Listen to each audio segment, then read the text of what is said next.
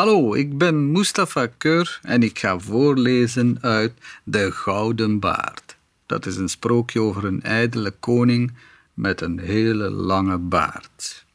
Veel luisterplezier.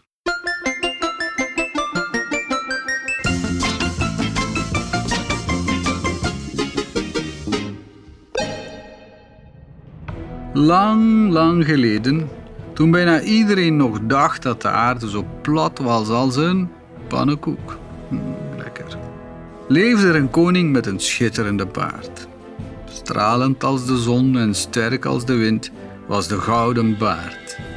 Rare baard. De koning hield zoveel van zijn koninklijke zelf en zijn schitterende baard, dat hij elke vijf minuten in de spiegel keek en wetten bedacht die zijn baard mooier en langer zouden maken. In de eerste wet stond dat de gouden baard nooit of te nimmer mocht geknipt worden. Een andere wet zei dat alleen de koning een baard mocht laten groeien. Alle andere baarden waren verboden en snorren ook. Wat een dictator. En dus moest iedereen zich elke ochtend heel goed scheren. Wie ook maar één haartje liet groeien, zou in duizend stukjes worden geknipt met een nagelschaartje. Want zo stond het in de wet. Kappers en barbiers deden gouden zaken. Elke kin en wang in het land was zo glad als boter. De baard van de koning groeide en groeide en slingerde zich door de lange gangen van het paleis, langs tuinpaden en door de Gouden Baardstraat. In elk dorp was er een Gouden Baardstraat, want dat stond in de wet.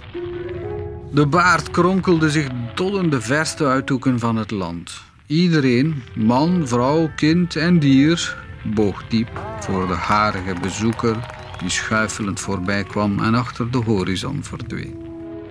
En de baard bleef groeien, door woestijnen en wouden, over zeeën en bergen de wereld rond. Zo kwam het dat de baard op een dag de tuin van het koninklijk paleis binnengleed, daar waar hij ooit zijn reis rond de wereld begon. Want de aarde, dat weet jij ook, is rond en niet plat. En de baard van de koning was helemaal rond de aarde gegroeid. De astronomen die de sterren bestudeerden en boeken schreven over de hemels, hadden dit verteld aan de koning, maar hij had hen flink uitgelachen. Al die tijd zat de koning op zijn troon. Hij kon bijna niet meer bewegen, zo lang en zwaar was zijn baard intussen geworden. Hij was net zijn koninklijke zelf weer eens volop aan het bewonderen toen een wachter bulderde. Een vreemde baard aan de achterdeur, sire.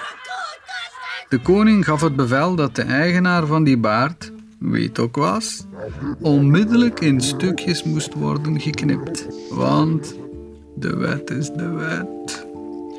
De wachters renden naar buiten om de schurk te grijpen. Ze liepen de wereld rond, tot ze weer aan de voordeur van het paleis stonden. De koning was nog steeds zijn koninklijke zelf aan het bewonderen in de spiegel toen de wachters binnenkwamen en zeiden: Majesteit, we hebben de eigenaar van de baard gevonden. Knip hem in stukjes, bulderde de koning. En dat deden ze met een nagelschaartje, want de wet is de wet. Zo werd de koning door zijn eigen rare wetten in stukjes geknipt.